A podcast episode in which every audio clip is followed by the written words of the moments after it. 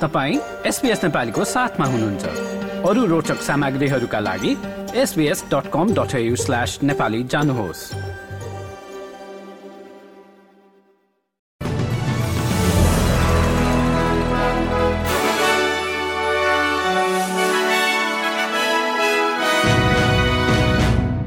नमस्कार आज सन् दुई हजार तेइस सेप्टेम्बर बिस र दिन हो बुधबार। अब पालो भएको छ एसपीएस नेपालीमा आजका प्रमुख समाचार संक्षिप्तमा सुन्ने। समाचार शुरू गरौं भिक्टोरियाबाट। भिक्टोरिया सरकारले आगामी एक दशकभित्र राज्यमा आठ लाख घरहरू निर्माण गर्ने घोषणा गरेको छ।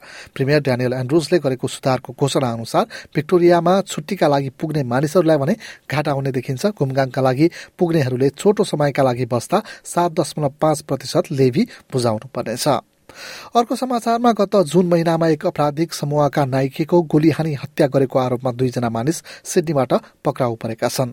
लागू औषध सम्बन्धी अन्डरवर्ल्ड समूहका नाइके एलेन माराडियनको गत जुनमा न्यू साउथ वेल्सको बोन्डाई जंक्सनमा गोली हनी हत्या भएको थियो। प्रहरीले एकतीस र बयालिस वर्षका पुरुषलाई मोर ब्याङ्कबाट पक्राउ गरेको हो। अर्को एक समाचारमा अस्ट्रेलियामा सरकारी सहयोग भुक्तानी पाइरहेका करिब पचास लाख मानिसहरूले प्राप्त गर्दै आइरहेको रकम केही बढ्ने भएको छ।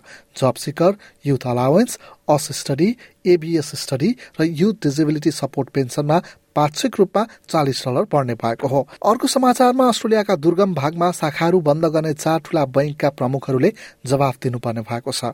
वेस्ट ब्याक कमनवेल्थ एएनजेड र न्यापका प्रमुखहरूले संसदीय छानबिन समिति सामु उपस्थित भएर जवाफ दिनुपर्ने भएको हो। कस्ट अफ लिभिङ बढेर सुपर मार्केटका चेकआउटहरूमा मानिसहरूले दुःख पाइरहेका बेला प्रधानमन्त्रीको ध्यान भने भोइस टु पार्लियामेन्टमा मात्र केन्द्रित भएको भन्ने आरोपको एन्थोनी अल्बानिजीले खण्डन गरेका छन्। कस्ट अफ लिभिङ अर्थतन्त्र र वातावरणको मुद्दामा पनि सरकारले काम गरिरहेको प्रधानमन्त्रीले जवाफ दिएका हुन्। अर्को समाचारमा अस्ट्रेलियाका व्यवसायीहरूले विदेशबाट कामदार भित्र्याउन पाउने भएका छन्। आप्रवासनका क्षेत्रमा ठूलो सुधार ल्याउने तयारीमा रहेको सरकारले उच्च माग भएका क्षेत्रमा विदेशबाट कामदार ल्याउनका लागि ढोका खुल्ला गरेको हो। गृह मामिला मन्त्री क्लेयर ओ नेलले च्यानल सेभेनसँग कुरा गर्दै सुधार अन्तर्गत कतिजना मानिसहरू अस्ट्रेलिया आउन सक्छन् भन्नुभन्दा पनि को को आउन सक्छन् भन्नेमा जोड़ दिइने बताए। अर्को समाचारमा अस्ट्रेलियाका व्यवसायीहरूले विदेशबाट कामदार भित्र पाउने भएका छन्।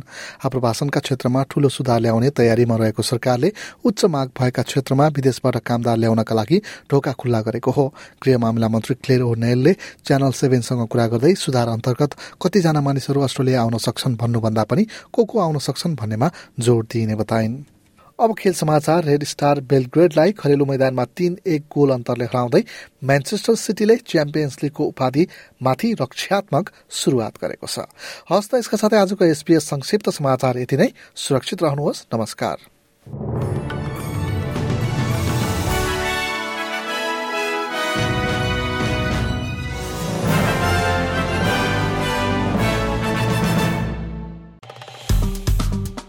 लाइक र कमेन्ट गर्नुहोस्।